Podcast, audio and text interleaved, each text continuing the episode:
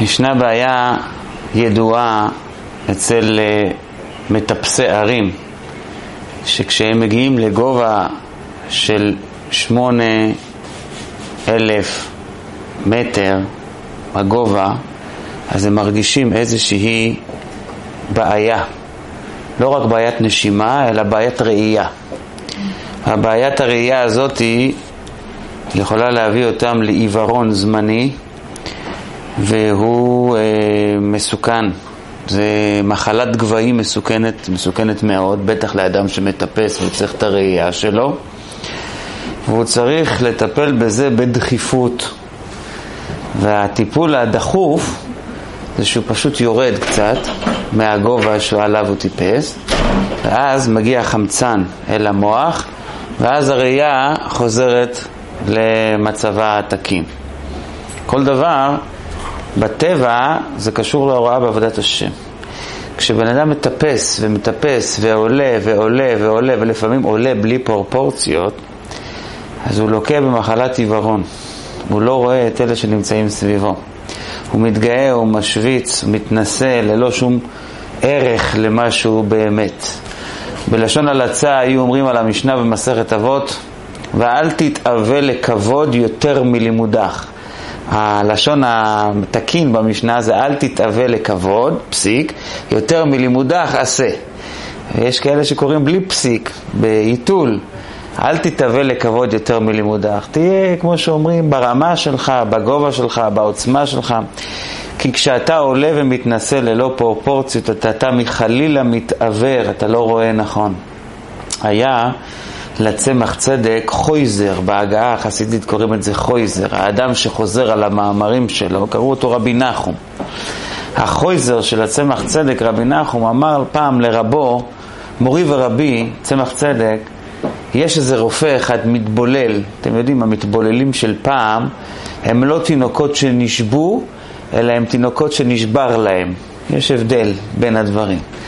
היום זה תינוקות שנשבו, לא למדו, לא ידעו, אבל פעם זה היה שנה ופירש, זה הרבה יותר חמור.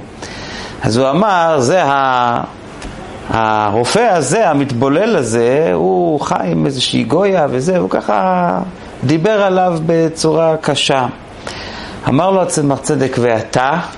אתה לא מדקדק במצוות נטילת ידיים, יש לך משהו שאתה צריך שם להשלים. ואני רוצה לומר לך סוד, שחוסר הדקדוק שלך במצוות נטילת ידיים חמור יותר ממה שעושה אותו מתבולל. למה? משום שכל דבר הוא בהתאם למהות של האדם, לכוחותיו, ליצריו, לעיבוד עשתונותיו, לקשייו, למקום שממנו הוא בא. לפעמים כשהאדם עולה יותר מדי למעלה, בגלל שהוא אדם גדול, בגלל שהוא אדם מורם מעם, הוא עולה, מטפס ומגיע למקומות ולמחוזות כאלה שהוא לא שופט נכון את מה שקורה סביבו, הוא לא שופט נכון את הבני אדם שנמצאים סביבו, וזה בעצם מביא אותו, הייתי אומר, לפירוד, פירוד. למחלוקת, מחלוקת בינו ובין העולם, מחלוקת בינו ובין הבריות, הוא הופך להיות בן אדם שמחוץ לעולם, לא בתוך העולם, הוא עומד ליד העולם, הוא לא מתקדם לשום מקום.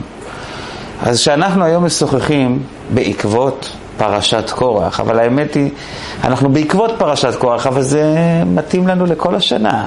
הנושא של הפירוד, הנושא של המחלוקת, הסוד של המחלוקת, הסוד של הפירוד, והאמת היא שאני... על הסוד ועל הפירוט ועל המחלוקת אני אדבר רק בחצי הראשון של השיחה.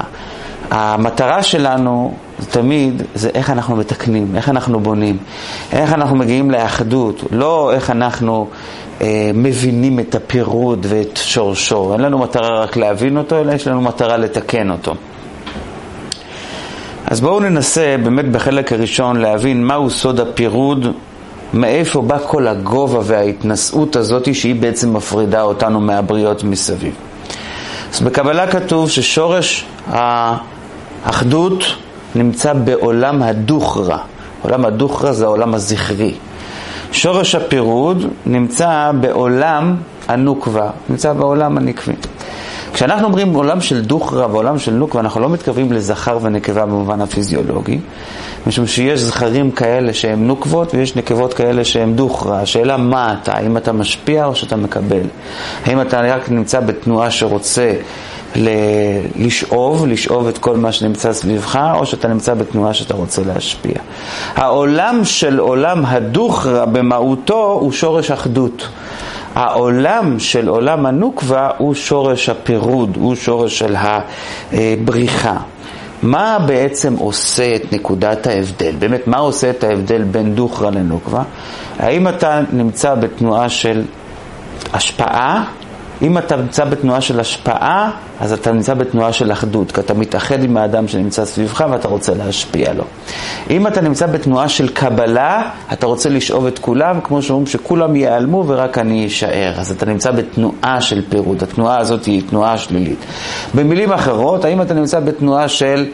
אה, רק לקבל, שהרצון שלך לקבל זה רצון שיוצר אותך כאילו נקודה של עולם תוהו, עולם שמבדיל אותך מכל העולם, זה עולם ששובר, נשבר ומתמוטט בסופו של דבר, או שאתה נמצא בתנועה של קבלה. אז זה הבסיס. כשאנחנו מדברים, האדם עולה, עולה, עולה, עולה, מה העלייה הזאת? זה עלייה שאם היא לא מתוקנת, אם היא לא מבוסתת, היא מביאה את האדם לאיזושהי תנועת נפש שאני רוצה רק לקבל מהאנשים שסביבי. ואז הדרך מפה לבטל את כל העולם שנמצא סביבך, הדרך קצרה מאוד מאוד. עכשיו, כיוון שאנחנו בחלק הראשון של השיעור רוצים להבין מאיפה זה בא לנו, אז בואו נלך לערש הבריאה, בואו נלך לשורש של הדברים. הראשון שהיה כזה זה היה הנחש, הנחש הקדמוני בפרשת בראשית, ספר בראשית, אדם, חווה והנחש, והנחש מצליח אה, לשגע את שניהם וגורם לחווה לתת לאדם הראשון לאכול מהעץ הדת. עכשיו, הנחש הזה, חז"ל מגלים לנו מה הסתתר מאחוריו. קודם כל, צריכים להבין שאומנם זה נחש, אנחנו מכירים את הנחשים היום, אבל הנחש ההוא היה יכול לדבר, והוא היה עם אינטליגנציה אנושית. נלקחה ממנו כתוצאה מהחטא לפי פרשנות אחת. לפי פרשנות נוספת מדובר פה באמת בנחש רגיל, אלא שהשטן התלבש בו, וכמו ש, שהאתון של בלעם יכל לדבר, אז גם הוא יכל לדבר. זאת אומרת, מדובר פה באיזשהו משהו רוחני שהתלבש בו.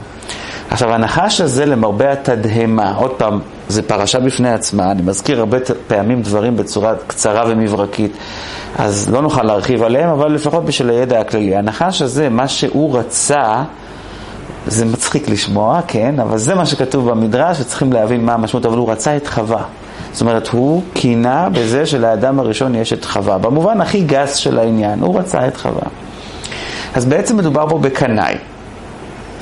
סמל, סמל של קנאי. הקנאי הזה היה ברצון ובתנועה לקבל. הוא היה מוכן לשגע את כולם ולהפיל את כולם בפח ולהרוס את כל העולם שנמצא סביבו בשביל שהוא יקבל את מה שהוא רוצה. זה התנועה של הנחש, זה המודל של הנחש.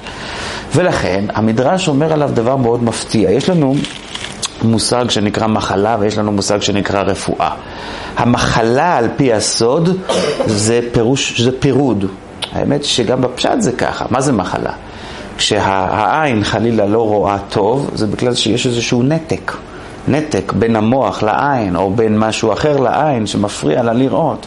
וככה כל דבר, כל חולי, כל כאב נובע מנתק. אז כתוב במדרש, לעתיד לבוא, הכל מתרפאים. תבוא רפואה לעולם, הכל, כל הבריאה, הדומם, הצומח, החי, כולם יהיה להם רפואה, חוץ מהנחש. והמדרש שואל למה הנחש לא יתרפא, הרי חתכו לו את הרגליים, כמו שאנחנו יודעים. למה הנחש לא יתרפא? למה כל הבריאה מתרפאת והוא לא? אז המדרש אומר פשוט מאוד, הוא עסק בפירוד, הוא עסק בחולי, הוא לא עסק ברפואה ותיקון. התכלית של הרפואה זה להחזיר חזרה את, ה, את האור שייכנס בתוך הכלי, כדי שיהיה חיבור ביניהם והעבר יעבוד כמו שצריך. הנחש עשה בדיוק הפוך, כיוון שהוא עשה בדיוק הפוך אז הוא מקבל מה שנקרא מידה כנגד מידה, זה העונש שלו, הוא יישאר, יישאר כמו שהוא, הוא לא יחזור לאנרגיות הקודמות שהיו לו. אז שימו לב, הנחש הוא שורש הפירוד, אנחנו נעשה שאלות בסוף. הנחש הוא שורש הפירוד, זה, זה סמל, כן? הנחש הוא שורש הפירוד. ומהנחש, כאשר אנחנו התפתינו, אדם, חווה, ואנחנו כולנו צאצאים שלהם, לכן אנחנו נקראים בני אדם. אז, ואתם קרואים אדם, זה כולל גם את חווה. אז בעצם כולנו קיבלנו את הגן הזה כתוצאה מאכילת עץ הדעת. קיבלנו כולנו את הגן הזה, שהגן הזה הוא גן נחשי, סליחה, סליחה שאני אומר את זה, אבל יש לנו בתוכנו איזה נחש קטן, כל אחד. הוא יכול להאכיל אותו ולפטם אותו, הוא יכול להרעיב אותו. אז הנחש הזה עבר לכולנו, והוא נמצא אצלנו בדיוק באותה תנועה נפשית שהוא היה אצל אדם הראשון וחווה, שזה תנועת האכילה. אז מילה רק להבהרה. יש אנשים כאלה שכשהם אוכלים הם לא שומעים אף אחד, אפילו לא את הפלאפון. העולם מת. אני אוכל עכשיו, אני כולי מונח. הוא מונח בתוך העניין חזק מאוד. האכילה זה משהו נורא נורא עוצמתי, שהוא שואב את כל כולך לתוך הטעם ולתוך ההרגשה באופן נורא נורא חזק. לכן, הזוהר הקדוש כותב, אני אגיד את המילים שלו ואחר כך אני אתרגם, נעמה אפום חרבה לאכול. נעמה בארמית זה לחם. לחם אוכלים עם חרב, זה סימבוליות. מה הפירוש? כשאתה אוכל, כשאת אוכלת, אתם נמצאים במלחמה, אתם בקרב. אתם בקרב על השפיות שלכם, אתם בקרב על הבריאות שלכם. והאדם נמצא בקרב הזה והוא צריך לנצח בו. הזמן של האכילה זה הזמן ששואב אותך כולו אליו, ואסור לך להתפתות. אסור לך להמשיך ומה שנקרא לבלוס יותר ממה שאתה צריך, וגם מה שאתה אוכל צריך להיות בריא, וגם מספר הלעיסות שלך צריך להיות מתאים. יש כל כך הרבה דברים שאתה צריך לשמור בשעה שאתה אוכל, ואילו אתה משגע אותך שאתה לא תהיה מפוקס על אותם הדברים שאתה צריך לשמור עליהם. לכן בשעה שאתה אוכל זה כמו זמן של מלחמה, זה כמו זמן של קרב, לפי הסימבוליות היהודית. האדם צריך להשתחרר בזמן שהוא אוכל מהרגשת עצמו, זה הלשון של החסידות, מהרגשת עצמו. זאת אומרת, מההרגשה היתרה של מה שבא לי ומה שכיף לי ומה שנעים לי ומה שאני רוצה ומה שאני אוהב ומה שאני רוצ, אה, שמח לאכול. עכשיו, מאיפה זה עבר לנו? מעץ הדעת שאכל האדם הראשון. האדם הראשון אכל את עץ הדעת, תראו, זה נורא מעניין. הוא אכל את עץ הדעת בגלל שפיתה אותו, האישה נתנה לו, אבל פיתה אותה הנחש.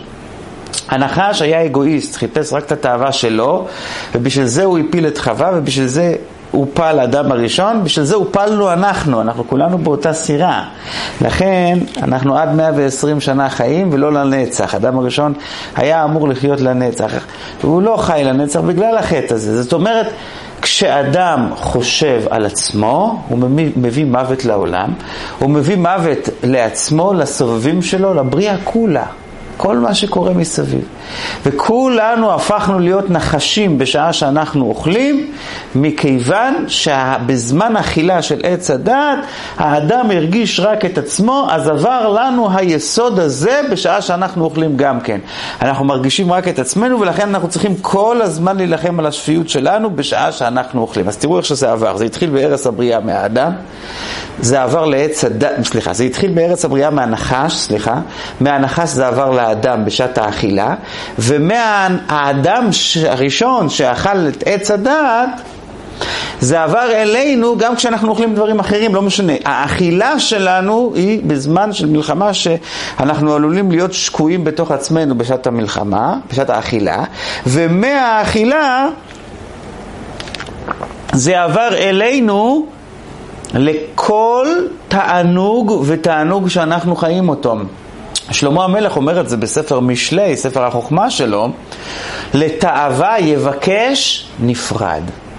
הפירוד הזה הראשון שיצר אה, אה, אה, אה, אה, הנחש, שהוא גרם לסילוק של אדם וחמה, הוא הפריד אותם מגן עדן, הוא גם הפריד להם את הנשמה משום שהם היו צריכים לחיות מאה, לעולם והם חיים רק 120 שנה, זאת אומרת אלוקים נתן, שקבע שבני אדם יחיו רק עד זמן מסוים ואחר כך ימותו, זה הפרדה בין הנפש לגוף. זה גרם שיהיו לנו סביבנו בעולם הרבה מאוד דברים שמושכים את תשומת ליבנו מסביב וגורמים לנו להיפרד. ולכן אמרו חז"ל במסכת אבות, הקנאה, התאווה והכבוד מוציאים את האדם מן העולם. זאת אומרת, מפרידים אותו מן העולם. כשאתם רואים אנשים ששקועים או בקנאה, או בתאווה, או בכבוד, אז בעצם אתם תוך זמן קצר תוכלו לראות, זה בן אדם שנמצא בבועה. הוא בבועה, הוא, הוא משוגע לחלוטין, הוא, הוא, הוא דפוק אחרי התאווה או הקנאה או הכבוד. לא משנה, כל אחד מהדברים האלה בעצם הביא אותו להיות מנותק. כשבן אדם שקוע באכילה, חזק, בתאוות האכילה, ו- וזה לא רק תאוות האכילה, כמו שהסברתי עכשיו, זה כל התאוות שהם, כשאדם סחוף אחריהם נורא נורא חזק, אז בעצם לתאווה יבקש נפרד, אומר אחד מגדולי הראשונים, רבי יונה מגרונדי, בספר שערי תשובה, הבן אדם הזה, הוא, בלי שהוא ישים לב, הוא הופך להיות טיפוס שמתנתק מהחברה. ואוהב רק להיות לבד ורק ליהנות לעצמו, וכשיש סביבה ויש זה, הוא פשוט סולד מהם, פשוט לא יכול לסבול בני אדם. פתאום הוא הפך להיות אדם שלא סובל בני אדם. הוא אוהב ליהנות, ככל שאתה אוהב יותר ויותר ויותר ויותר ליהנות, אתה הופך להיות מופרד לתאווה, יבקש נפרד.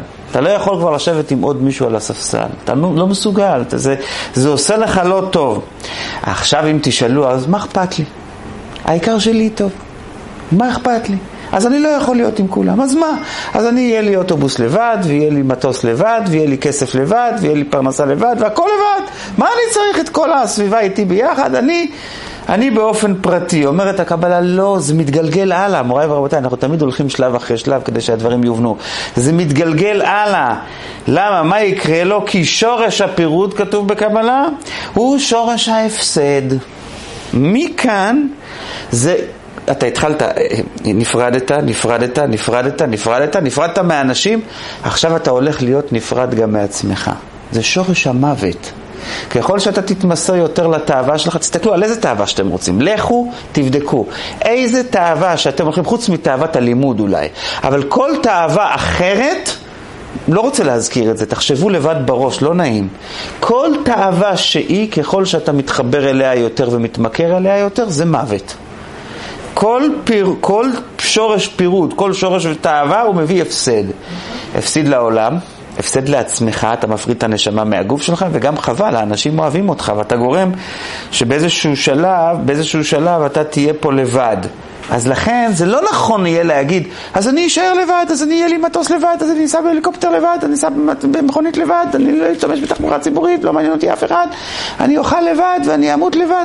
הכל טוב ויפה, אבל אתה לבד הזה, אתה בעצם מפסיד את עצמך ואתה מגיע לאבדון. עכשיו פה נקודה מאוד עמוקה. השורש זה מה שנקרא מרכבת יחזקאל בתנ"ך, יחזקאל הנביא, והפרשנות של האדמו"ר הזקן בעל התניא על עמוס. מרכבת יחזקאל הוא מספר שהוא רואה את המלאכים. המלאכים יש להם כנפיים, שש כנפיים לאחד. עכשיו, הנביא מתאר את הכנפיים שלהם, אז הוא כותב, וכנפיהם ישרות. יש להם כנפיים ישרות.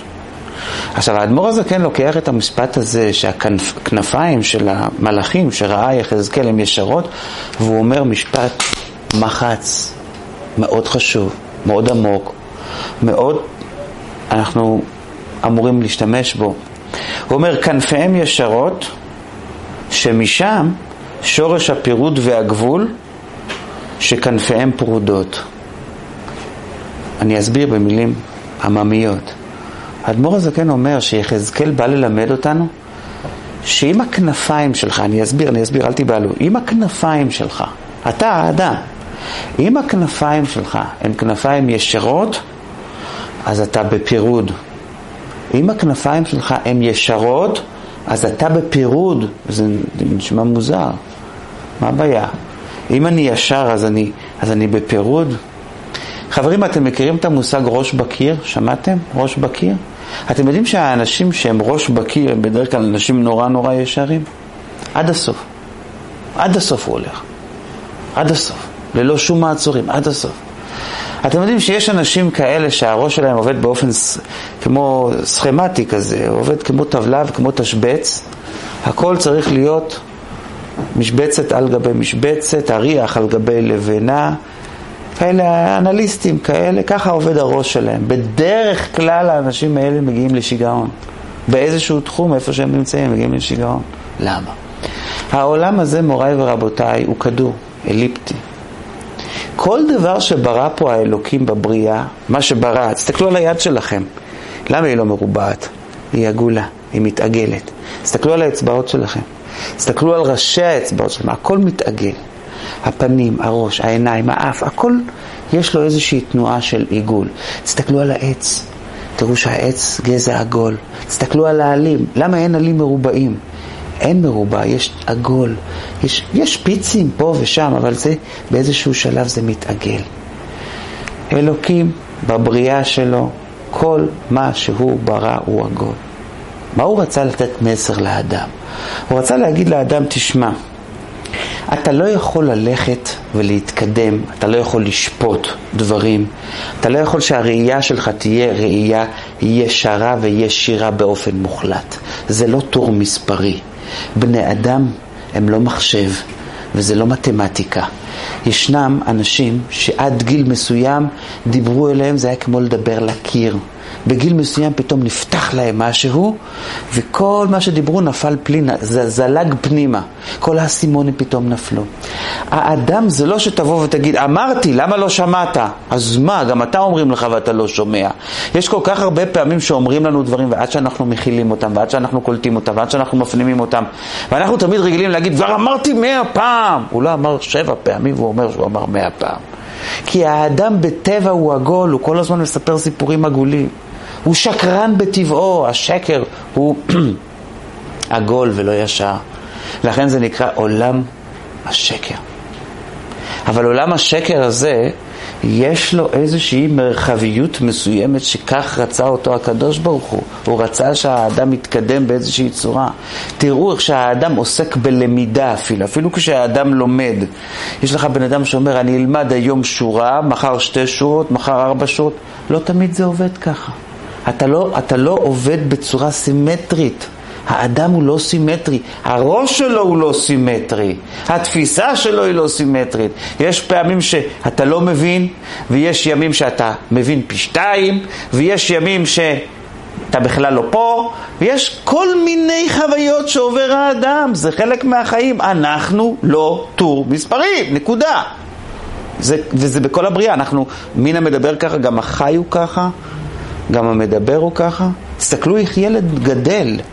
אתה רואה, שנה ראשונה, מחצי שנה לשנה הוא גדל ככה, משנה לשנתיים הוא גדל ככה. תוציא מחשב, תתחיל לספור, אם משנה לשנתיים הוא גדל בחמש סנטימטר, אז לשלוש זה יהיה עשר, ובארבע זה יהיה חמש עשרה, ובחמש זה עשר, יהיה לך עוג מלך הבשן. אחר כך אתה תגיד בגיל שבעים, לא נכון. האדם הוא לא תור מספרי. יש גיל מסוים שהוא גדל, ויש גיל שהגוף שלו חדל, חדל מלגדול. יש גיל כזה, זאת אומרת, זה לא עובד בצורה סימטרית שככה אתה גדל. זה מה שבא יחזקאל הנביא והאדמו"ר הזקן בפירוש שלו, כנפיהם ישרה זה שורש הפירוד. מי שיבנה את הדברים כשהוא רואה בני אדם, הוא יתרגם את המעשים שלהם, הוא יתרגם את הפרשנות למה שהם עושים, הוא ייתן את ההסברים למה שהם עושים בצורה של כנפיהם ישרות. כלומר, הוא יסתכל עליהם בצורה של זווית, הכל זוויתי. הוא יסתכל על זה ככה, הוא שורש הפירוד. מה פירוש שורש הפירוד? הוא בטוח טועה הבן אדם הזה. הוא בטוח לא יגיע למסקנות נכונות. זה לא נכון להגיד את זה. זה לא נכון לבוא ולהגיד שהדברים ככה. וכנפיהם יש לו עוד פירוש. העלייה של האדם, הטיפוס, המעוף. המעוף הוא לא ישר. הוא לא ישר, הוא עולה, פעמים הוא עולה, פעמים הוא יורד, יש עליות, יש ירידות, יש נפילות, יש... הדברים, תסתכלו, כל אדם שהגיע למשהו בחיים שלו, כמה שותפים היו למה שהוא הגיע, כמה שמועות הוא שמע, כמה חלומות הוא חלם, כמה תפיסות, כמה רעיונות היו באמצע הדרך עד שהוא הגיע למה שהוא הגיע, כנפיהם לא ישרות. העלייה והמעוף שלנו, תסתכלו על עצמכם, מה שאתם עליתם בחיים, מה שאתם השגתם, שום דבר לא היה ישיר, שום דבר, כל דבר בא ככה וככה וככה, עד שהגעתם למסקנה. זה שלבים. לכן, כשאנחנו מדברים על סוד הפירוד, זה נשמע מצחיק, אבל זה מדויק, סוד הפירוד בא מהיושר. סוד הפירוד, ההבנה העמוקה, המופרדת, שלא מבינה את העולם נכון, זה כשתופסים את העולם ישר. כמו שאומר הפתגם, שאין לך דבר יותר עקום מסולם ישר. כשאתה מעמיד את הדברים בצורה מאוד מאוד זוויתית וישרה, לטפס אי אפשר. להבין את הטיפוס, להבין את האדם, להבין את העולם. אתה לא מבין את האדם ואת העולם נכון. אז מה בעצם הסוד? איך אנחנו נזהה את עצמנו, אם אנחנו נמצאים בתנועת נפש? כי מה שהבנו עד עכשיו, שזה לא פשוט. הבנו עד עכשיו שיכול להיות שאתה נמצא בפירוד ואתה חושב שאתה באחדות. אתה נמצא באחדות ואתה חושב שאתה פירוד. זאת אומרת, זה, זה תהליך נורא נורא עדין של, לזיהוי אפילו. איך האדם יכול לזהות את עצמו אם אני נמצא בתנועת נפש של אחדות, הרמוניה, או שאני נמצא בתנועה של פירוד? איך אני מזהה את עצמי? יש לי סוד, יש דרך, יש פסוק בתורה. הפסוק אומר בספר דברים, בדרך אחד יצאו אליך, ובשבעה דרכים ינוסו מלפניך. הוא מדבר על העם היהודי שיוצאים אליו למלחמה אנשים, אז הם יבואו אליך בדרך אחת, אבל אתה, איך אומרים, תגמור אותם, אז יברחו ממך בשבעה דרכים, כמו שאומרים, ינוסו לכל עבר, שבעה דרכים. בקבלה כתוב שהפסוק הזה בא לסמל את הנפש שלנו. מתי זה נקרא שהאדם נמצא בתנועה של ניצחון? מתי זה נקרא שהאדם נמצא בתנועה של הרמוניה ואחדות פנימית עם עצמו? כשהוא בדרך אחד יצאו אליך, כשהוא יש לו דרך אחת שבה הוא נוסע, הוא יודע מה הוא רוצה מעצמו, הוא יודע לאן הוא רוצה להגיע. יש לך, לצערנו, אנשים שיש להם הרבה דרכים. כל רגע משהו אחר. אולי כך, אולי ככה, זה חוסר יציבות פנימית. זה קללה. זה נקרא ניסה של מלחמה, מנוסה של מלחמה. איך אתה יודע שפה במלחמה הזאת לא מנצחים, שפה במלחמה הזאת הולכים להיכשל? כשבורחים ונסים לכל עבר. כשהבן אדם נמצא בתנועה של כל עבר, הוא לא נמצא בעלייה, הוא נמצא בירידה. כשאתה, יש לך דרך אחת, מסלול אחד, אתה הולך להמריא, אתה הולך לעלות, אתה הולך להגיע לאנשהו. אבל כשכל רגע אתה נוסע עם הרכב ופונה, כמו שאומרים, לכל הרוחות, אז אתה יודע שאתה נוסע לעזאזל. זה בדיוק המצב הפנימי של האדם במלחמה הפנימית שלו עם עצמו ועם זולתו. או בסגנון של הגמרא במסכת שבת, קוראת לזה הגמרא, המקרע בגדיו בחמתו. והמשבר כליו בחמתו, והמפזר מעותיו בחמתו, יהיה בעיניך כעובד עבודה זרה. האדם שנמצא במצב של חימה, אתם מכירים? אני מקווה שלא ראיתם אף פעם אנשים כאלה, שכשהם בכעס, שוברים את הפלאפון. כשהם בכעס, זורקים משהו על הקיר. לא על בני אדם, אבל הם הם מבטאים את הכעס שלהם בתנועה של זריקה, בתנועה של קריאה, בתנועה של הרס. מאיפה זה בא להם? אתם יודעים מאיפה זה בא לאדם הכעס הפנימי הזה? חוסר השלמות הזאת, הצורך שלו לשבור, להרוס כדי להרגיע איזה יצר, איזה שד פנימי שנמצא בתוכו. זה מגיע מזה שהבן אדם הזה מפוזר לכל הרוחות. האדם הזה יותר מדי מתפזר. אין לו שפיות במקום אחד. אין לו יציבות במקום אחד. אז הנפש שלו לא מסוגלת להכיל, היא לא מסוגלת להכיל את העולם ואת קשייו ואת אתגריו. הוא מתבלבל, הוא מתפזר, הנפש שלו לא מספיק איתנה וחזקה לעמוד במקום הנכון. או בסגנון אחר כדי שזה יובן. בתורה מסופר על יעקב, אבינו, שכשהוא בורח מלבן ובסוף לבן משיג אותו, אז הם החליטו שהם כורתים ברית. וכשהם כורתים ברית, התנ"ך מספר משהו שלא כל כך מבחינים בו, אבל הקבלה מדייקת אותו. היא אומרת, יעקב אבינו, כשהוא היה צריך להעמיד את הגל, כתוב שהוא לקח אבן אחת. ויקח יעקב אבן וירימי המצבה, אבן אחת. ואילו לבן, הארמי, השקרן, כשהוא היה צריך לשים, גם כן, לתת את חלקו בגל, אז הוא ליקט אבנים ויעש הגל. יעקב אבינו יש לו אבן אחת, יש לו דרך אחת, יש לו כיוון אחד, הוא נוסע על מסלול אחד. ואילו לבן, שהוא הסמל של השקר והרמייה והתחמנות והשרלטנות ומה שאתם רוצים, אז מלא אבנים, גם וגם. גם וגם, ואני אומר את זה בכאב. משום שאנחנו לצערנו נמצאים כל כך הרבה אנשים מרוב שפע, ברוך השם שיש, ומרוב אפשרויות שיש בדור הזה, מה שלא היה בדור העבר הוא, האנשים מתפזרים, ועוד פעם אני אומר, לכל הרוחות, לצערנו הרב. זאת אומרת, לא משהו שבונה אותם, אלא רחמנא ליצלן, משהו שלפעמים עלול להרוס אותם. הם לא נבנים, אלא מתפזרים. ריבוי דרכים מביא אותם לריבוי רצונות, וגם, וגם, וגם, וגם. אם אתה רוצה לבחון אם האדם שעומד לפניך הוא בן אדם שיגיע לאיזשהו מקום, תבדוק כמה רצונות יש לו. כשהוא רוצה גם וגם וגם וגם וגם, מה אתה רוצה להיות? טייס, ומה עוד? כבאי, ומה עוד? שוטר, ומה עוד? איש מד"א, ומה עוד? לא כלום. כשאתה יותר מדי מתפזר למקומות אה, רבים ושונים ונפרדים, אתה בסופו של דבר לא מגיע לשום דבר, זה סוד הפירוד. הקדושה מחנכת את באיה, תהיו כמו יעקב אבינו. ייקח אבן ושם אותה מצבה. הוא לא מלקט אבנים, הוא לוקח אבן אחת ובה הוא מתקדם.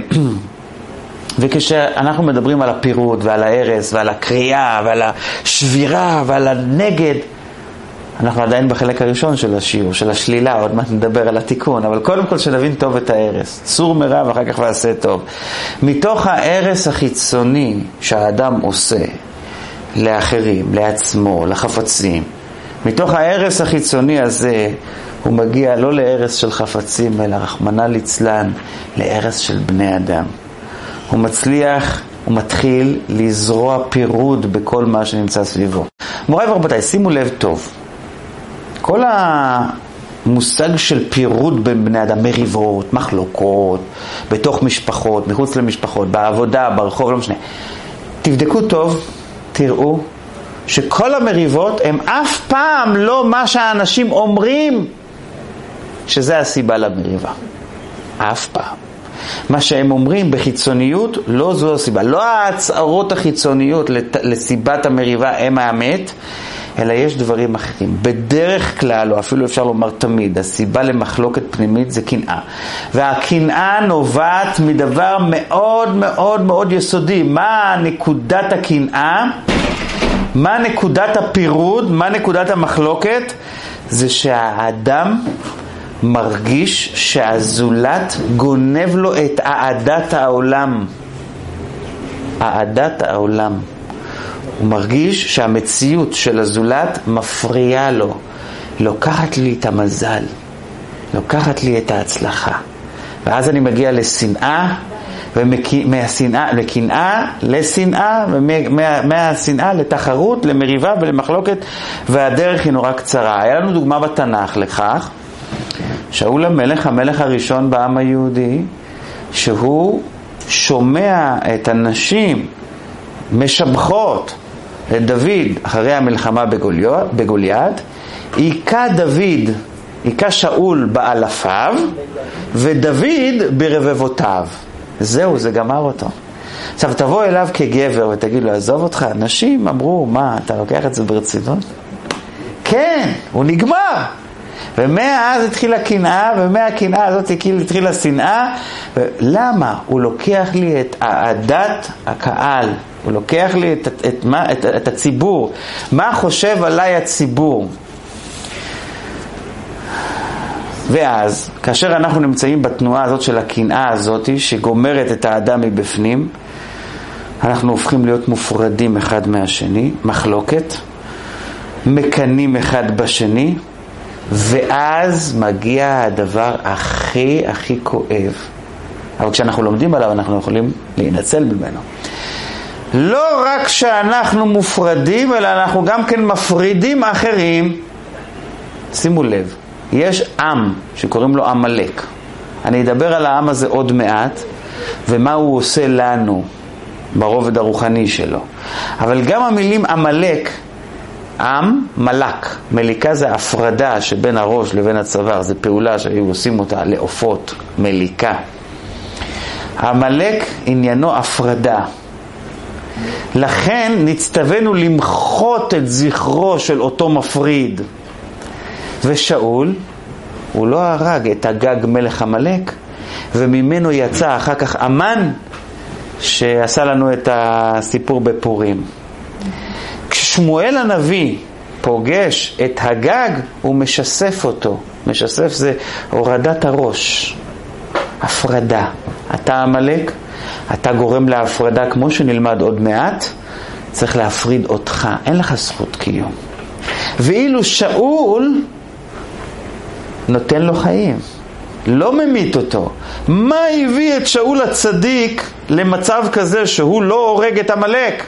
התשובה היא, זה שהוא היה בתנועה של קנאה ואחר כך שנאה לדוד, הוא היה בתנועה של הפרדה, אז כשאתה נמצא או את נמצאת בתנועה של הפרדה, אתם מחזקים את המפרידים בעולם.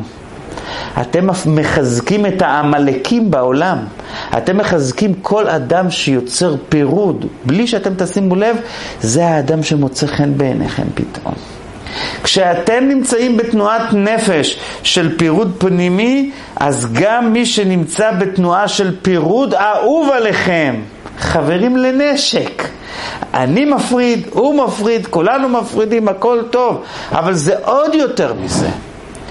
גם אם אתה תראה איזשהו משהו של אחדות מלאה, גם שם אתה תיצור פירוד. אם אתה נמצא בתנועה של הפרדה, איפה שאתה תגיע, אתה תיצור מחלוקת. איפה שאתה מגיע, אתה תיצור פירוד בין האנשים. ולא רק בין האנשים, גם בין החיות. ולא רק בין החיות, אלא גם בין הצומח. ולא רק בין הצומח, אלא גם על האדמה. ואיפה אנחנו רואים את זה? בפרשת השבוע. יש לנו את האדמה. האדמה נקראת בלשון התלמודית סדנא דערעא חדאו. זה אפילו הפך להיות משפט אה, עממי. סדנא דערעא חדאו, הקרקע כולה אחת. באמת, היא מחוברת בכל העולם, היא אחת. הארץ מחוברת אחת לשנייה, הכל בחינה אחת. בא קורח, שהוא שורש הפירוד, שורש המחלוקת, והוא גרם לאדמה לפתוח את הפה שלה ולבלוע אנשים, וכמו שאומרים, להפריד אותם מיושבי ארץ החיים. למה עשית את זה לאדמה, אומרת הקבלה, למה קורח הצליח לעשות את זה לאדמה? אתה פירוד? אז אתה תצליח לעשות פירוד גם באלה שסביבך. ובמי באלה שסביבך? בבני אדם בוודאי, הוא יצר מחלוקת. לא רק בהם, אלא הוא הפריד אותם ממשפחותיהם. זאת אומרת, הם אה, עשה להם פירוד. לא רק שהוא עשה פירוד להם ולמשפחותיהם, הוא עשה פירוד גם לאדמה, שהיא הסמל של האחדות הכי חזק שיכול להיות. גם בה הוא יצר פירוד, היא פותחת את הפה, היא מפרידה את עצמה מצד ימין ומצד שמאל, גורמת לכולם לברוח ממנה. לכן אני רוצה לומר לכם משהו נורא חשוב. אם אתם אנשים טובים, ואם אתם אנשים שקטים, ואם אתם אנשים הרמונים, ואנשים חיוביים, ופתאום אתם מרגישים שמישהו גורם לכם כעסים לא נורמליים, ומישהו מביא אתכם לאיזושהי תנועה שבא לכם לשנוא את כולם, בא לכם לשנוא את עצמכם, בא לכם לקלל, אז אל תבואו לעצמכם בטענות. כי שורש הפירוד זורע פירוד. האדם הזה שהוא שורש הפירוד, הכורח, התורן הזה שהוא שורש הפירוד, הוא זה שמשפיע מאודו עליכם, והוא זה שגורם באנרגיות שלכם שגם לכם פתאום יבוא לרצות לריב, לצעוק, לכעוס, לקלל. איך זה לא אתם, אתם מכירים את עצמכם. איך זה בא לכם פתאום? כי אתם נמצאים... מה עושים? בורחים ממנו. זה הדרך היחידה. לפעמים אתה צריך פשוט לקחת את הרגליים שלך ולהתרחק ממנו. יש התרחקות שהיא התרחקות פיזית, יש התרחקות פיזית, ויש התרחקות תודעתית. זו וזו התרחקות, אבל אתה צריך להתרחק משום שאין לך דרך באמת לחסוך את עצמך מזה, משום שהוא זורע את זה בך, באטמוספירה, באנרגיות. אתה הופך להיות כזה ואתה לא מבין מאיפה זה בא לי. זה לא אני, אתה מרגיש, אתה יודע, זה לא אני. עכשיו, על הסמל של השבת כתוב, בתחבולות תעשה לך מלחמה. זה פסוק בתנ"ך. בתחבולות תעשה לך מלחמה, זה שכשאתה רוצה להילחם בבחינה כזאת של פירוד, בבחינה כזאת של עמלק, זה חייב להיות בתחבולות. זה לא יכול להיות ישיר, זה צריך להיות עקיף. למה? כי דוד המלך אומר בתהילים, ואם עיקש תתפתל, אתה לא יכול לדבר איתו באותה שפה, אתה צריך, ואני אסביר למה אני מתכוון. אבל קודם כל, אסתר המלכה, כשהיא נלחמת עם המן, המן זה עמלק. אסתר נלחמת עם עמלק, היא נלחמת בשורש הפירוד. אז איך אסתר המלכה עושה את זה? זה מדהים. היא יושבת עם, עם, חש, עם אחשוורוש במשתה, ואחשוורוש ככה שמח וזה, אז הוא שואל אותה מה את רוצה, ואז היא אומרת לו, אתה יודע מה, לא היום, מחר, נדבר מחר, מחר נעשה עוד משתה, נדבר מחר, לא היום. באים בעלי הסוד והקבלה ואומרים, תשמע, אתה חושב שזה היה סתם ככה, זה לא נכון. זה היה מתוכנן. כל פעם שאתה רוצה להילחם עם בחינת הפירוד שעומדת מולך, מבחינת העמלק שעומדת מולך, אתה חייב לעשות תחבולה.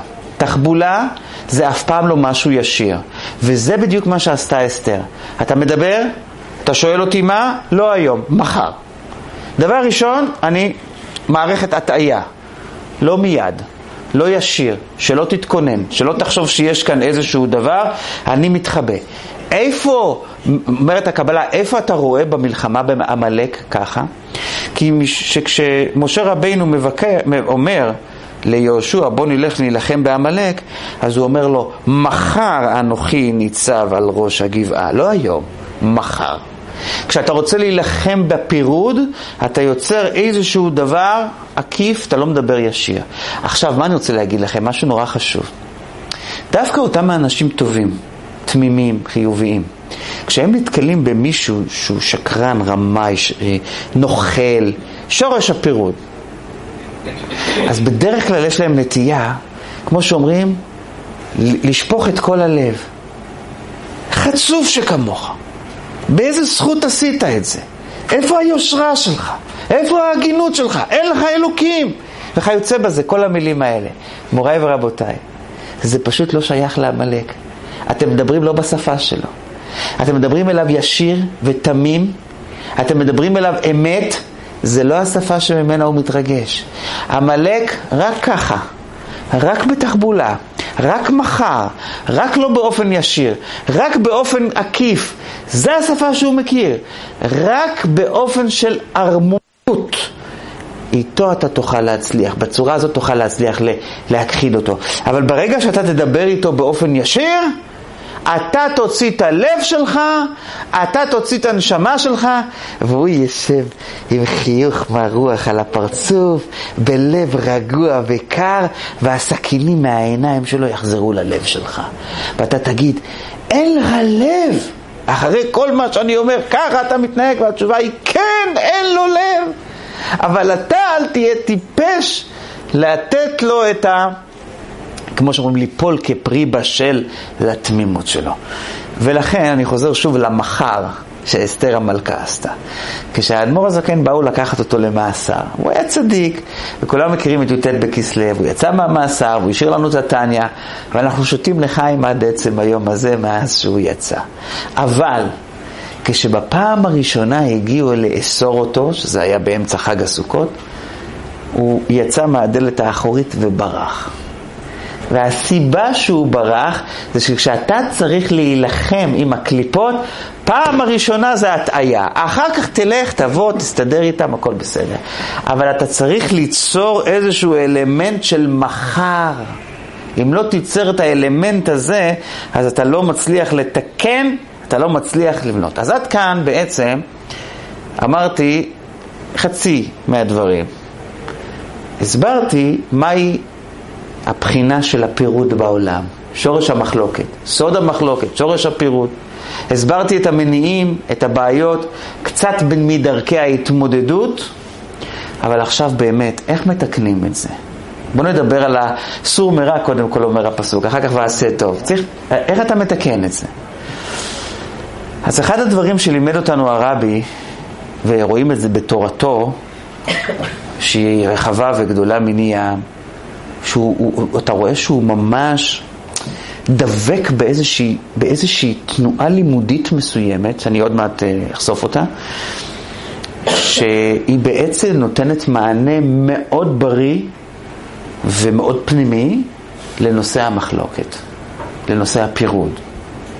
לשיטה הזאת קוראים בלימוד שיטת. לשיטתי הוא, לשיטתי הוא. אני לא צריך לספר לכם, אני מסביר, כן? אה, אני לא צריך לספר לכם שכל ה... כל התורה מלאה מחלוקות. איך אומרים? שני יהודים, שלוש דעות? כל התורה מלאה דעות. בית שמאי, בית הלל, מסכימים, לא מסכימים, מתווכחים. קודם כל שתדעו שלחלוק בדעות זה מאוד לגיטימי. לא רק שזה לגיטימי, זה גם כן מפרה. אני חושב שהעם היהודי הוא עם חכם בגלל ריבוי המחלוקות שהיה בלימודים. כל, כל פעם אתה צריך לחשוב על, על סברה נוספת, על דעה נוספת, אתה צריך להתמודד עם מחשבה נוספת, להתעמת עם עוד משהו. זה עשה אותנו פלפלים. אין מה לעשות, זו עובדה. זו עובדה בשטח. הבעיה זה ש... אה, איך אתה מסתכל על המחלוקות? ופה בא מבט של הרבי. אתה יכלת למשל לקחת מחלוקת בין בית שמאי לבית הלל ולבוא להגיד, תשמע, אני אסביר לך למה הם חלקו. פשוט, בית הלל אמר שזה מותר בגלל שלנכד שלו היה כזה דבר. והוא רצה להקל על הנכד שלו, אז הוא סידר שזה יהיה מותר.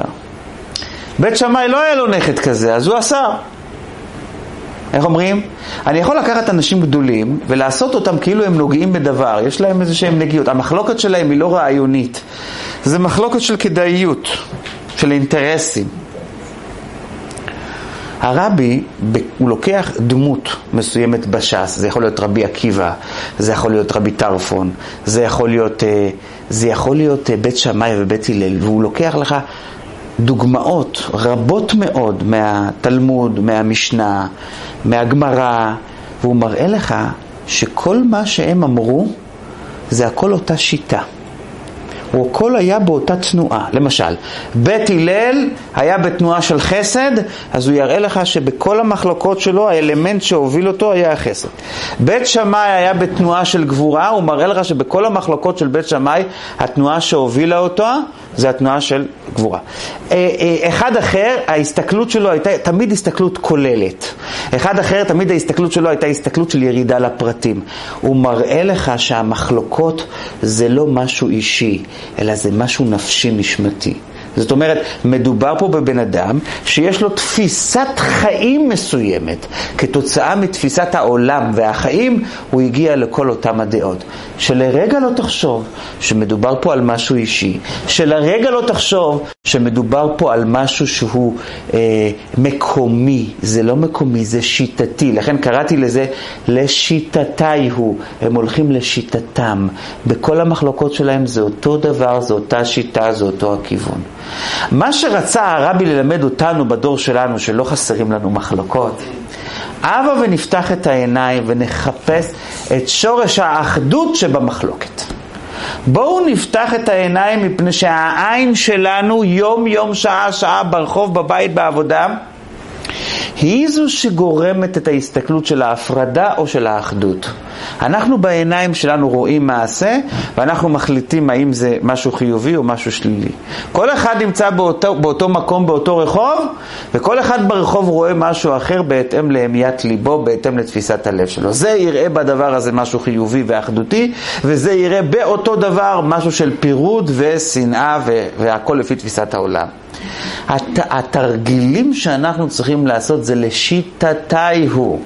מדרש מאיתנו, מכולנו, אחד אחד, בואו ננסה לחפש בתוך כל דבר, אפילו בדבר הכי שלילי שאנחנו רואים, איזשהו משהו שהוא אחדותי, כן, משהו שאנחנו יכולים ללמוד, לקחת אותו, לסגל אותו לעצמנו, להביא אותנו, להביא אותו לתוך נפשנו ולקדם אותנו בתוך... בתוך הדבר, הדבר הזה שנראה פירוד. זאת אומרת, אתה לוקח איזושהי, איזו נקודה שלילית ואתה, ואתה לומד ממנה או מה להיות, או מה לא להיות, לא משנה, אבל אתה לומד ממנו משהו, אתה מתאחד עם אותה הדמות, או במובן של הכן, או במובן של הלא, אבל אתה למדת משהו, אתה הפנמת משהו. עכשיו, מוריי ורבותיי, אני רוצה לומר שכל העולם צועד לשם. הזכרתי קודם את אדם הראשון, הזכרתי את הנחש, הזכרתי את חווה, הזכרתי את היציאה שלהם מגן עדן, פירוד מגן עדן, יציאה החוצה.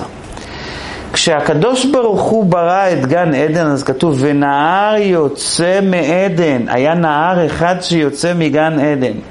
והוא נפרד לארבעה ראשים, שם האחד פישון, שם השני זה, שם השני שלי, ארבע. שורש הפירוד התחיל כבר אז. אחדות אחת שמתחלקת לארבע. כשיבוא משיח צדקנו במהרה בימינו, מה כותב ישעיהו הנביא? והחרים את לשון ים מצרים. והחרים, זה, אנחנו נחזור חזרה לאיזושהי תנועה של אחדות. התחלנו את הפירוד הראשון בנהר יוצא מעדן שנפרד לארבעה ראשים, ואנחנו, אומר הרבי, אמורים לחזור חזרה לעולם האחדות. שיהיה נהר אחד שהכל עובר דרך מסלול אחד, לא מסלול של פירוט של הרבה דרכים, הרבה נהרות, אלא דרך אחד, נהר אחד. זאת אומרת שזה התפקיד שלנו. תסתכלו, היה נהר, באמצע היה פירוד, בסוף יהיה אחדות שוב. תסתכלו שכל שורש הפירוד, כל הדברים שנפרדים אחד מהשני בעולם, סופם, תכליתם, עניינם, בסופו של דבר להגיע לאיזושהי הרמוניה אחת שהיא תוביל והיא תקדם אותנו לאיזשהו, לקדם אותנו, את כל העולם כולו, היא תקדם אותנו לאיזשהו עניין שהוא אה, אה, מלא. עכשיו, עד כאן אמרתי תיאוריה, איפה זה באנוש? באנוש? החז"ל אומרים, משרבו זכוכי הלב, רבה מחלוקת בישראל. זכוכי הלב זה אנשים שיש להם זכיחות דעת, שוויצרים, גאוותנים, משרבו האנשים שמשוויצים, שמחזיקים מעצמם מאוד, אז מה קרה? אה, התרבתה מחלוקת. למה? משום שאם אני גאוותן, אני לא יכול לראות אותך ולא יכול לשמוע את הדעה שלך, ואני צריך לא להסכים איתך על הפרינציפ, אפילו שאין בזה שום דבר אה, נכון. עכשיו, אנחנו כישראלים, בכלל התרבות החדשה, מלמדת אותנו כל הזמן, תחפש את הייחוד שלך. תחפשו במה אתם מיוחדים, מה, איך אומרים, הערך מוסף שיש לכם על העולם. זה תמיד מלמדים אותנו. אז אני שואל שאלה פשוטה, מה ההבדל בין ייחודיות לזכיחות? זכיחות הדעת. מה ההבדל בין ייחודיות לשוויצריות? מה אומר השוויצר? אני! מה אומר המיוחד? אני!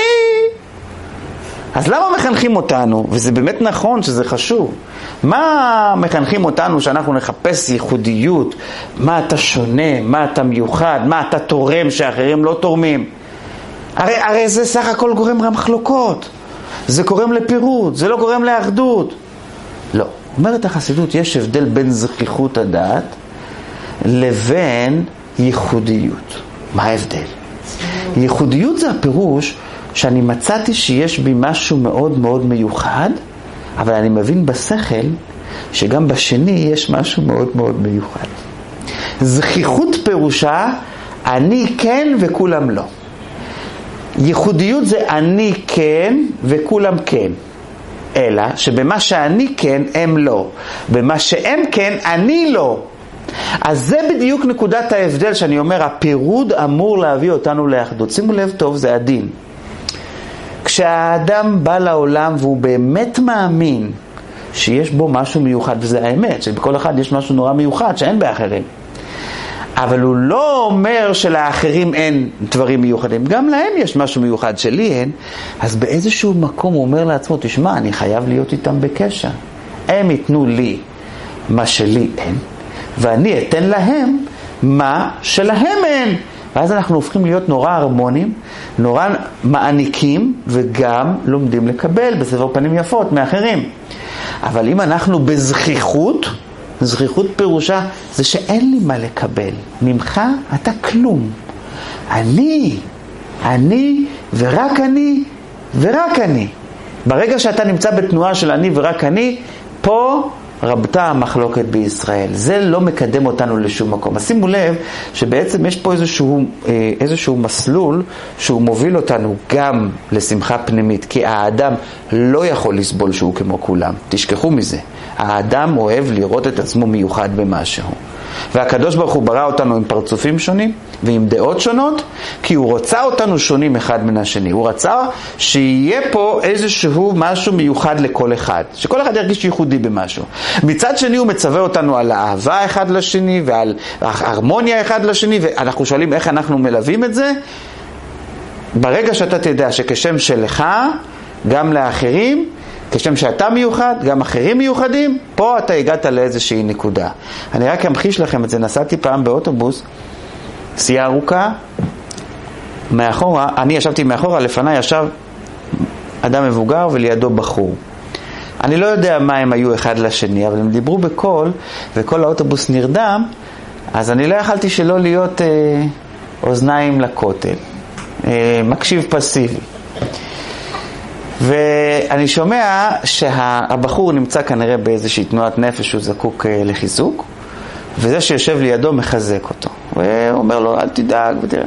ואז באיזשהו שלב הוא הפך להיות נורא ציורי וזה ריתק, אותו אחד שדיבר, הוא אמר, תראה איזה נוף בחוץ, תראה איזה ארץ יפה יש לנו, תראה איזה זה, והוא נותן דוגמאות, דוגמאות, והוא אומר, ואתה יושב פה, והמיזוג עליך, ובחוץ חם, ופה טוב ונעים, ואתה גם רואה וגם, וגם מקשיב וגם ביחד וגם זה, מה חסר לך? כאילו ככה הוא מנסה לעודד את רוחו. ואז אותו בחור אומר לו, מה? אבל לכולם יש את זה. תראה, הנה, כל האלה שיושבים פה באוטובוס יש להם את זה, אלה היושנים, כן? כולם, כולם יש להם את זה. ואז נפל לי האסימון. יכול מאוד להיות שלבן אדם טוב מאוד בחיים. מה מפריע לו? אבל גם לשני יש. גם לשני יש. מה אכפת לך שלשני יש? גם לך יש, וגם אתה אוכל פיסטוקים, וגם הוא אוכל, מה אכפת לך? מה לא טוב? תהנה, תשמח. זו נקודה של עין צרה מסוימת שקיימת בתוך האדם, שהוא לא יכול להרגיש שטוב לכולם. זה בדיוק מה שאנחנו רוצים להביע כאן. יש לכולם משהו מיוחד. היו אומרים פעם, צדיקים היו אומרים, שבשמיים, לכל צדיק, צדיק, ככה הוא עובד את השם ויש לו, זה, מראים לו מן השמיים, הם שולחים לו מלאך שיראה לו, העבודת השם שלך היא הכי חשובה. המנהגים שלך האהובים אצל הקדוש ברוך הוא. השיטה שלך היא השיטה הכי צודקת. אבל אם הוא פיקח, הוא יודע שגם לחבר שלו בא מלאך ואומר לו אותו דבר. וזה בדיוק הנקודה, שאנחנו באיזשהו מקום אנחנו צריכים להבין העולם הוא רחב. יש הרבה מקום להרבה שיטות והרבה דעות. ואתה באמת מוצלח, אבל גם זה שלידך מוצלח. וגם אותך צריכים, אבל גם אותו צריכים. ויש מקום שאתם יכולים גם להשלים אחד את השני במה שלך יש ולשני אין. ואז אנחנו חוזרים חזרה לעמלק שהוא שורש הפירוד. ובקבלה כתוב דבר נורא מעניין, כתוב בקבלה שעמלק, מה מנגד לו? בית כנסת מנגד לו. בית כנסת זה מקום שמתכנסים הרבה אנשים ביחד, ועמלק זה שורש הפירוד, אז כאילו בית כנסת זה אנטי עמלק. וואו. קודם כל בבית כנסת יש מלא מריבות, חבל לכם על הזמן. אבל בלי קשר לזה, בלי קשר לזה, כשבאה הקורונה, האנשים אה, יצאו מבית הכנסת למנייני חצרות ולכל מיני וכל מיני מקומות, אז בית הכנסת היה בפירוד. אבל אמרתי, לא. גם כשבן אדם הוא ייחודי והוא בפירוד, הוא צריך לדעת, אבל הוא צריך לפחות עשרה ביחד איתו. אין מצב שאתה לבד, לבד, לבד, לבד, אין. אתה חייב שתהיה איתך איזשהו, יהיה לך איזשהו מניין. עכשיו, הכי יפה ביהדות, זה הכי מעניין, כשאנחנו מדברים אפילו על דבר קשה, על דבר שהוא שיא של פירוד בתוך הזוגיות המשפחתית, שזה גירושין, אז כשהתורה מדברת על גירושין, הפסוק בתורה שמדבר על גירושין, אז איך הוא אומר אותו? ויצאה, ויצאה האישה, היא יצאה, והייתה לאיש אחר. אז יש פה ויצאה, זה סמל הגירושין, והייתה זה הנישואים השניים. אומרת הגמרא במסכת קידושין, מקיש הוויה ליציאה. היא יוצאת מאחד ומתחתנת עם מישהו אחר. כאילו התורה מסתכלת שגם שורש הפירוד הוא לא פירוד לשם פירוד, הוא לפירוד לצורך בנייה. אני לא מדבר כעת בנייה דווקא בנישואים, אלא לצורך איזושהי בנייה. יש לפעמים אדם שהנישואים הרסו אותו מבחינה פנימית, הוא צריך לחזור לעצמו, הוא צריך לאסוף את השברים. אז הגירושין, ה"ויצאה" הוא לצורך הוויה, הוא לצורך איזשהו בנייה, לצורך איזשהו משהו חיובי. זה התפיסה של העולם, זה התפיסה של התורה בתוך העניין. בתוך התיקון של המידות, המבנה הפנימי, האיסוף של המידות, החזרת המידות למקומם, המידה הראשונה שאנחנו צריכים לשים עליה את הדגש כדי לאסוף את עצמנו, כדי לחיות בהרמוניה עם עצמנו, קודם כל זה מידת הקנאה. כשהתורה מבטאת, דיברתי קודם כל על יעקב ולבן, אבן ואבנים.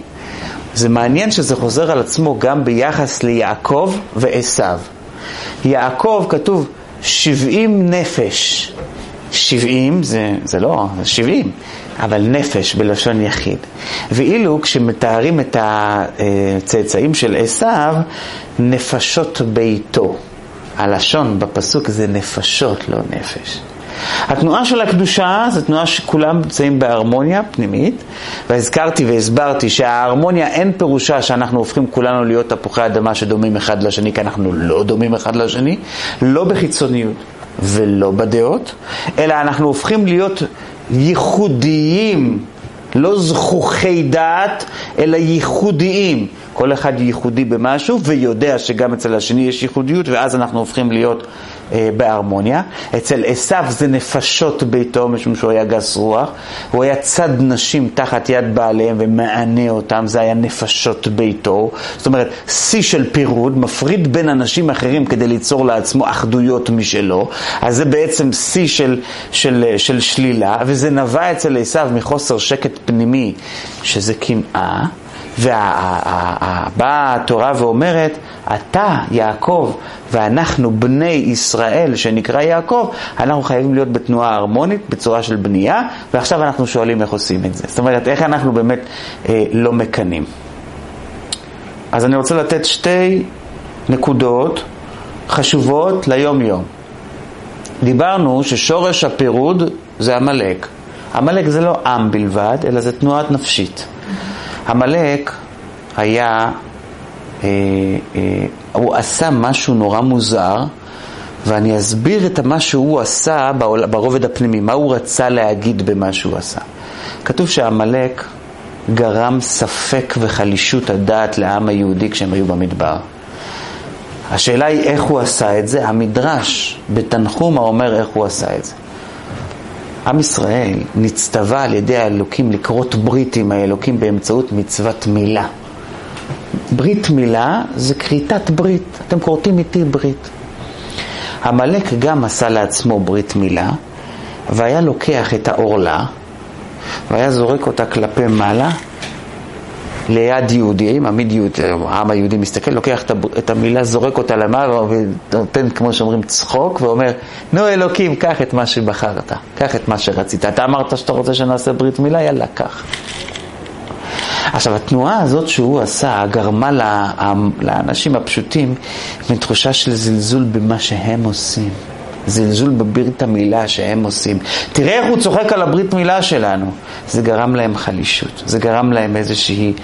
אז בחסידות קוראים לזה, הוא גרם להם חלישות בבחירה שלהם. כאן אני יוצר. ואני אומר, שימו לב, כוח הבחירה שיש לאדם זה הכוח הכי נעלה שיש לו. כשהאדם בחר, הוא בחר במאכל הזה, הוא בחר במקצוע הזה, הוא בחר או היא בחרה בבן הזוג או בת הזוג האלו. הכוח הזה זה כוח מאוד מאוד קדוש, זה כוח מאוד מאוד נעלה, זה כאילו שהקדוש ברוך הוא נתן לאדם חלק ממנו. אלוקים יכול לבחור, אבל הוא נתן לאדם גם כן איזושהי, איזשהו כוח מיוחד לבחור, הוא נתן לו איזושהי עוצמה מיוחדת לבחור. עמלק, התפקיד שלו בלב של כל אחד מאיתנו זה לצחוק על הבחירות שלנו.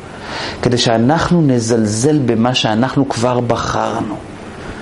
כל פעם שכשאנחנו נמצאים באיזשהו מצב, נגיד מצב משפחתי מסוים, אנחנו בחרנו. אנחנו בחרנו את בחיר ליבנו, את בחירת ליבנו. ואז מגיעים כל מיני מחשבות. לפעמים זה מחשבות שנופלות לבד. לפעמים איזה מחשבות שנופלות לנו בגלל דיבורים ששמענו מאנשים אחרים, או משהו שאמר לנו מישהו אחר. וזה בעצם מביא אותנו להתבוננות עם עצמנו. טעינו?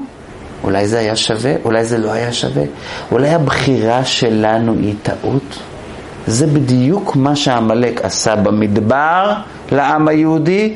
בחרתם להיות בנים של אלוקים, בחרתם לעשות ברית מילה ולכרות איתו ברית. בואו אני אצחק עליכם במה שאתם בחרתם. בואו אני אראה לכם שזה שום דבר, בואו אני אראה לכם שזה לא שווה כלום. בחרתם טעות. והבחירה, כמו שאמרתי קודם, זה הדבר הכי קדוש שיש לנו. זה הדבר הכי נעלה שיש לנו. אל תזלזלו בבחירות שלכם.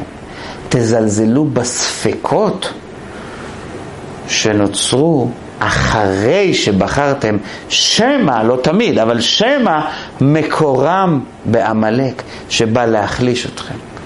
איך בן אדם לא יקנא במשהו אחר? אתם יודעים מאיפה באה הקנאה? בא מישהו, צחק על הבחירה שלך. אתה מרגיש שמה שבחרת לא שווה שום דבר, ואז אתה מקנא במה שיש לאחרים. אם האדם רוצה להירגע ממידת הקנאה, אז הדבר הראשון שהוא צריך לעשות זה לא, זה לא לזלזל במה שכבר בחרו לך או במה שאתה בחרת. זה א' ב'. דבר שני, כשמגיע אליך אותו בן אדם ולועג לך וצוחק לך, ליצן, שבא ליצן ולועג, וכבר נאמר שליצנות אחת דוחה אלף תוכחות. אז, אז בשנייה אחת אתה, הוא, הוא, הוא משחרר את כל מה שחשבת, את כל החיובי שבך. אל תתייחס לליצן. ליצן זה שלילי. איך לא מתייחסים לליצן? איך אנחנו יכולים להתעלם מאנשים שהם מלעיגים עלינו ובזים לנו? איך? אומרת התורה דבר מאוד מעניין. כשאנחנו קיבלנו את התורה, קיבלנו אותה על הר סיני. שואלים חז"ל, מדוע להר הזה קוראים הר סיני? אז הם אומרים, סיני לשון שנאה. כן, זה אמנם סין וסמך, אבל שנאה. איזה שנאה? שמאז שירדה תורה לעם היהודי, ירדה שנאה שאומות העולם שונאים אותנו. ואני רוצה לומר לכם שזה בדוק. כשיש בן אדם שהוא חכם, שונאים אותו. כשיש בן אדם שהוא קצת יותר מאחרים, נבון יותר מאחרים, הוא גורם לאנשים לקנות בו. ירדה שנאה לעולם. בשביל מה מספרים לנו את זה? כדי שאנחנו לא ניבהל. אם אתה רואה מישהו ששונא אותך, תבין שהשנאה שלו נובעת מקנאה, ותבין שאתה שווה משהו. אחרת לא היו מקנאים לך. אחרת לא היו בזים לך. ולכן, אם, איך אנחנו נפרדים מאותו ליצן, איך אנחנו בזים לאותו ליצן ולא מתייחסים למה שהוא אומר, התשובה היא, אנחנו נלמד יותר, אנחנו נדע יותר, וידע זה כוח, וככל שאתה יותר חכם ואתה יותר נבון, אתה לא מתרגש מליצנות, אתה בז לזה. תשנא, תצחק, תגיד מה שאתה רוצה, יש לי כוח, יש לי עוצמה. לכן נורא חשוב שבן אדם ילמד, והוא ילמד בעוצמה, אבל מילה לקראת סיום. תדעו לכם, יש פעמים שצריך את הפירוד. יש פעמים שצריך גם להתגרש. יש פעמים שצריך להתרחק מדבר לא טוב. יש פעמים. אבל כשצריכים לעשות את זה, צריכים לעשות את זה עד הסוף בלי פשרות. אם זה לא טוב, אז זה לא טוב. עד עכשיו דיברנו שפירוד זה שלילי והאחדות היא חיובית, אבל יש גם לפעמים שצריך לעשות ניתוח ולהוציא איזשהו עבר שעלול לגרום לנמק לכל הגוף, יכול לגרום הרעלה לכל הגוף. הגמרא במסכת שבת מספרת על דוד המלך, שאחרי שהוא ברח מירושלים והוא הלך, פגש את... Uh, את אה, ציווה. ציווה היה עבד של מפיבושת שהיה צאצא של שאול. בקיצור, העבד הזה שיקר על דוד המלך, ודוד המלך אמר בסופו של תהליך, אתה יודע מה? אמרתי שהשדה של מפיבושת תהיה לך, עכשיו אני רואה שמפיבושת באמת לא מרד בי, אז לא ראוי שהשדה תהיה שלך, אז חצי חצי תתחלקו בשדה. מספרת הגמרא שאז יצאה בת קול משמיים ואמרה, אתה דוד אמרת שהשדה תתחלק חצי חצי, למה עשית את זה? לא היה לך נעים. כי אתה אמרת קודם שזה מגיע לזה וזה לא היה צודק, היית צריך לחזור בך. היית צריך לעשות דין טוטאלי, אבל לפעמים לא נעים לך, אז אתה עושה פשרה, חצי חצי. יש הרבה מאוד פעמים שאנחנו נוטים לפשרנות, בדברים שלא היינו צריכים ללכת לפשרנות. ולמה אנחנו נוטים לפשרנות? כי לא נעים לנו. אומרת התורה, ברגע שאתה צריך לפסוק את הדין ולפסוק את האמת, אתה זכאי, אתה חייב, גמרנו, זה האמת, זה הצדק, אתה לא צריך ללכת אחרי איזושהי פשרה לא צודקת ולא אמיתית. זה לא הגון, זה לא נכון. לפעמים כשצריך לעשות את הדין, צריך לעשות את הדין עד הסוף, לחתוך אותו עד הסוף. ועוד טיפ לקראת סיום, איך אנחנו יכולים לחזק את האחדות מאוד חזק. התורה אומרת שמה שמחזק את האחדות בעולם, הקדוש ברוך הוא נתן מתנה טובה שקוראים לה יופי. יופי גורם לאחדות. למשל, הלכתם, נכנסתם לחנות של מזכרות וראיתם איזושהי תמונה יפהפייה וככל שהתמונה היא יותר יפה, ככה היא תתאחד איתכם יותר. אתם תוציאו כסף, אתם תקנו אותה, אתם תשימו אותה בסלון וכיוצא בזה. כל דבר יפה בעולם הוא גורם לאחדות מצד אחד. מצד שני, כל דבר יפה בעולם, סופו בסופו, איך אומרים? היופי הולך וקמל, הולך ומתבטל. שואלת התורה, אז בשביל מה הקדוש ברוך הוא ברא את היופי? מספרת הגמרא סיפור מעניין על רבי עקיבא. הייתה אישה של איזשהו אה, שולט רומאי בארץ, שקראו לו טורנוסרופוס. ואשתו הייתה מאוד יפה. עכשיו הוא, טורנוסרופוס הזה, תמיד היה מתווכח עם רבי עקיבא, ותמיד מנצ... רבי עקיבא מנצח אותו בוויכוחים. הם גויים, והראש שלהם עובד כמו גויים, אז הוא רצה לראות איך להפיל את רבי עקיבא בפח. אז הוא שלח את אשתו היפהפייה, תנסי לפתות את רבי עקיבא, לא אכפת לו, זה גוי כולו. תפילי אותו בפח, ואנחנו נוציא עליו, כמו שאומרים פשקווילים בכל המדינה, רבי עקיבא נפל. ראש של גוי. אז היא באה והיא ניסתה, והיא לא הצליחה. אבל הגמרא מספרת שמה, שכשרבי עקיבא ראה את הניסיונות, שלה, אז היה לו כמה וכמה התייחסויות. אחת ההתייחסויות שלו הייתה זה שהוא בכה. שואלת הגמרא למה הוא בכה. עונה הגמרא, הוא בכה על היי, היי, היי שופרא דבא לי בערעה. על היופי הזה שיהיה בלה באדמה. כאילו הייתה אישה יפה, אז בסופו של דבר האדם הולך לקבר, מה יישאר ממנו? אז הוא בכה. שואלים המפרשים, איזה בן אדם לא הולך בסוף לקבר? זה דרך של כל הארץ. על זה אתה צריך לבכות? מה, מה קרה? מה, מה, מה? עונים המפרשים רבי עקיבא לא בכה על האישה הזאת ספציפית, הוא בכה על המושג. המושג הזה הזכיר לו משהו. כל עולם היופי ברא האלוקים כדי ליצור הרמוניה ואחדות בעולם. גם כשבני האדם מתחתנים, הדבר הראשון שגורם להם להתחתן, כי הם מוצאים חן בעיני, אחד בעיני השני בצורה חיצונית גם כן. זה, זה, זה הדבר הראשון שהם רואים, אחר כך הם רואים גם את החלקים הפנימיים של האישיות. אבל החלק הראשוני זה הצורה החיצונית של האדם. זה הדבר הראשון שבן אדם רואה. היופי אמור לחבר, אבל מה קורה ליופי אחר כך? הוא בסוף בלה באדמה. לא רק היופי של בן אדם, יופי של תמונה, יופי של כל דבר, אפילו יופי של שיר שאהבתם והתחברתם אליו, אחרי ששמעתם אותו הרבה פעמים זה כבר עובר לכם ליד האוזן ואתם קהים אליו, אתם לא מרגישים שום דבר מיוחד. כך זה הבריאה. באה התורה ומלמדת אותנו מוסר. כל זמן שהיופי קיים, תיצור יותר ויותר אחדויות בתוך הנפש. תיצור, תיצור יותר ויותר אחדויות בין בני אדם, בין מעשים, בין עניינים. בסוף הטריגר שהביא את כל האחדויות האלה הוא יבלה, אבל האחדויות הללו יצטרכו להישאר. גם בבני זוג זה ככה. בהתחלה מה שתפס אותם זה היופי, אבל אחר כך הם צריכים לחיות 70 שנה ביחד, והיופי הולך. אז מה נשאר?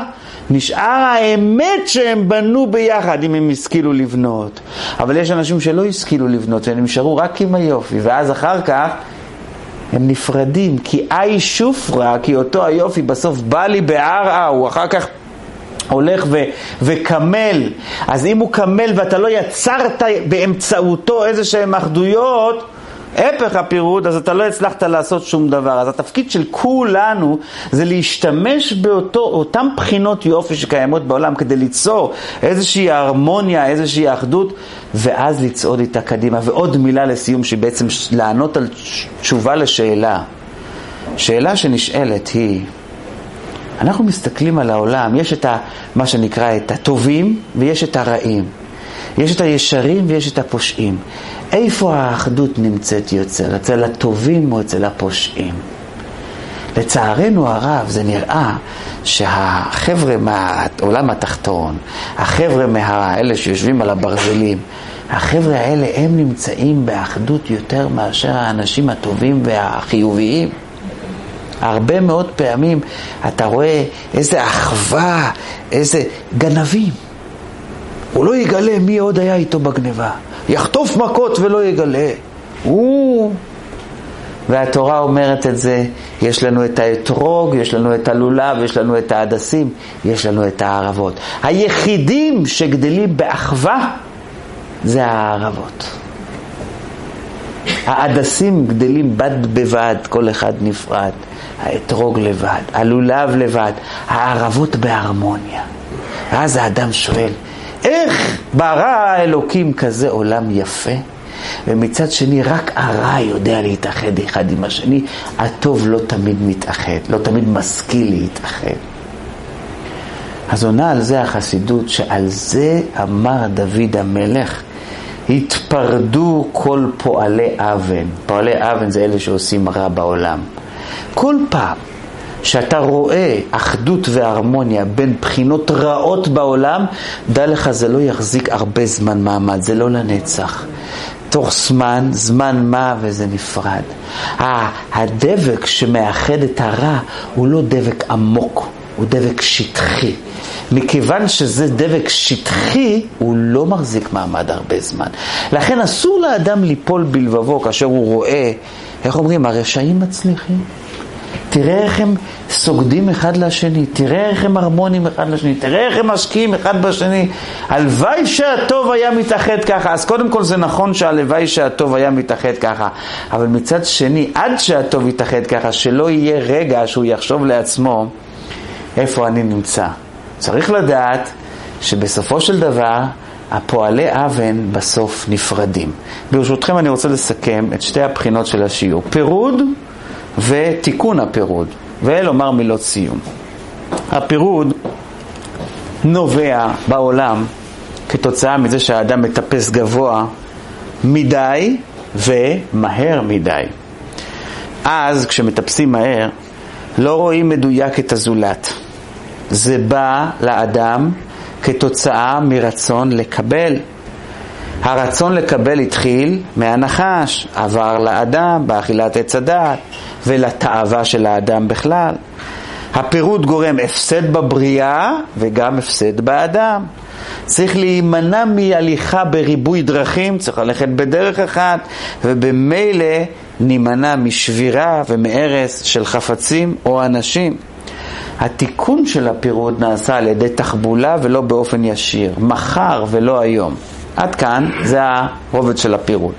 הרובד של התיקון, התיקון נעשה על ידי שאני מחפש ומוצא את השיטה הפנימית, את ההרמוניה הפנימית שקיימת בתוך הפירוד עצמה. זה בא על ידי שאני מתרגל להסתכל באופן של אחדות. צריך להתרגל להסתכל, לראות שהייחודיות האישית היא לא פירוד, אלא היא בשביל האחדות. לי אין את מה שאין לך, לך אין את מה שאין לי, ואנחנו נשלים אחד את השני ביחד. צריך לתקן את הקנאה, וזה בא על ידי שאנחנו לא מתחרטים על בחירות שעשינו, אנחנו לא שומעים לליצן שבא אלינו ומקרר אותנו מהעבר, ואנחנו לא שומעים לליצן ככל שאנחנו יותר חכמים, יותר לומדים, יותר מתקדמים. כשצריכים כבר להיפרד ממשהו רע, צריך לעשות את זה בכוח, בלי פשרות. איך אנחנו מתחברים? אנחנו לוקחים את היופי שעשה הקדוש ברוך הוא בבריאה ובאמצעותו יוצרים חיבורים עמוקים יותר ולא נתפעל מהאחדות של הקליפות ולא מהאחדות של הערבות. זה לא אחדות אמיתית. בחסידות כתוב שכל האחדות שהיא בעולם היא נובעת מתענוג. תענוג, דיברתי קודם על יופי, תענוג. גם חתונה שבני אדם מתחתנים, בסופו של דבר זה כתוצאה מתענוג. התענוג מחבר בין שני דברים שקיימים בעולם. אבל לפעמים האנשים נמצאים בדרך לתענוג והם נופלים באמצע הדרך. והאדם צריך להיות מספיק נבון לא ליפול באמצע הדרך כשהוא הולך לתענוג, ואני חוזר חזרה לפרשת השבוע. ולפרשה של שבוע שעבר, ולבכלל, לחטאי ראשונים בכלל. כל החטאים של כולנו באים כתוצאה מחוסר סבלנות. אנחנו על הדרך, אנחנו בסוף נגיע. בסוף יהיה טוב, בסוף יהיה חיובי, בסוף יהיה שמח. אבל באמצע הדרך התעייפנו ואנחנו רוצים לקצר. המרגלים חיו בעולם של מחשבה. לעתיד לבוא יהיה עולם של מחשבה. הם קפצו לה לעתיד לבוא מוקדם מדי, ואז הם נפלו בחטא. קורח היה לוי, הוא רצה להיות כהן. כתוב שלעתיד לבוא הלוויים יהיו כהנים. מה קרה לו? הוא פשוט קפץ לפני הזמן. כל הטעויות שאנחנו עושים בחיים שלנו זה שאנחנו אומרים מילה לפני הזמן. האדם לא כלי לשמוע, הכל לפני הזמן. ולמה? משום שאין לנו מספיק סבלנות להמתין לאותו התענוג. מה יכול לעזור לנו בדרך, עוד לפני שהתענוג הגיע, והתענוג זה החיבור וההרמוניה, מה יכול לעזור לנו? אז במילה אחת, הפחד. אומרים המחקרים שאנשים שיש להם פרנויה, פרנויה זה לכאורה דבר שלילי, אבל בכל שלילי יש גם חיובי. אומרים שבעלי עסקים שיש להם פרנויה, הם בעלי עסקים מצליחים. יש להם, אה, הם מצליחים, כמו שאומרים, לעלות מעלה-מעלה.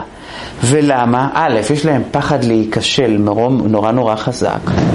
דבר שני, הם רוצים, בגלל שהם מפחדים להיכשל, לעשות מוצר מאוד מאוד איכותי, והם מוכנים אפילו להמתין עוד קצת ועוד קצת, והם לא אה, לחוצים עם הזמן כמו האחרים. לא אכפת לי, מרוב פחד, לא אכפת לו אפילו להמתין, כדי שהמוצר יהיה יותר חיובי. והדבר הכי מעניין, רוב האנשים שהם לא פרנואים בעסקים, הם לא מוציאים מוצר חדש עד שלא קם איזה מתחרה, ואז הם, כמו שאומרים, אדם שנמצא בפרנויה הוא תמיד מוציא את המוצר החדש לפני כולם. כי הוא כל הזמן רוצה להתחדש כי הוא מפחד. בואו ניקח את הפחד, הפחד מפירוד, הפחד ממחלוקת. בואו ניקח את הפחד הפנימי שיש בכל אחד ונעשה אותו מנוף שיעזור לנו באמת להגיע להרמוניה ולאחדות, שנפחד להיפרד. וברגע שתפחד, הכוח העוצמתי הזה יגרום שבסופו של דבר, מתוך שלא לשמה נגיע לשמה, מתוך פחד נגיע בסוף לאהבה והאחדות וההרמוניה האמיתיים.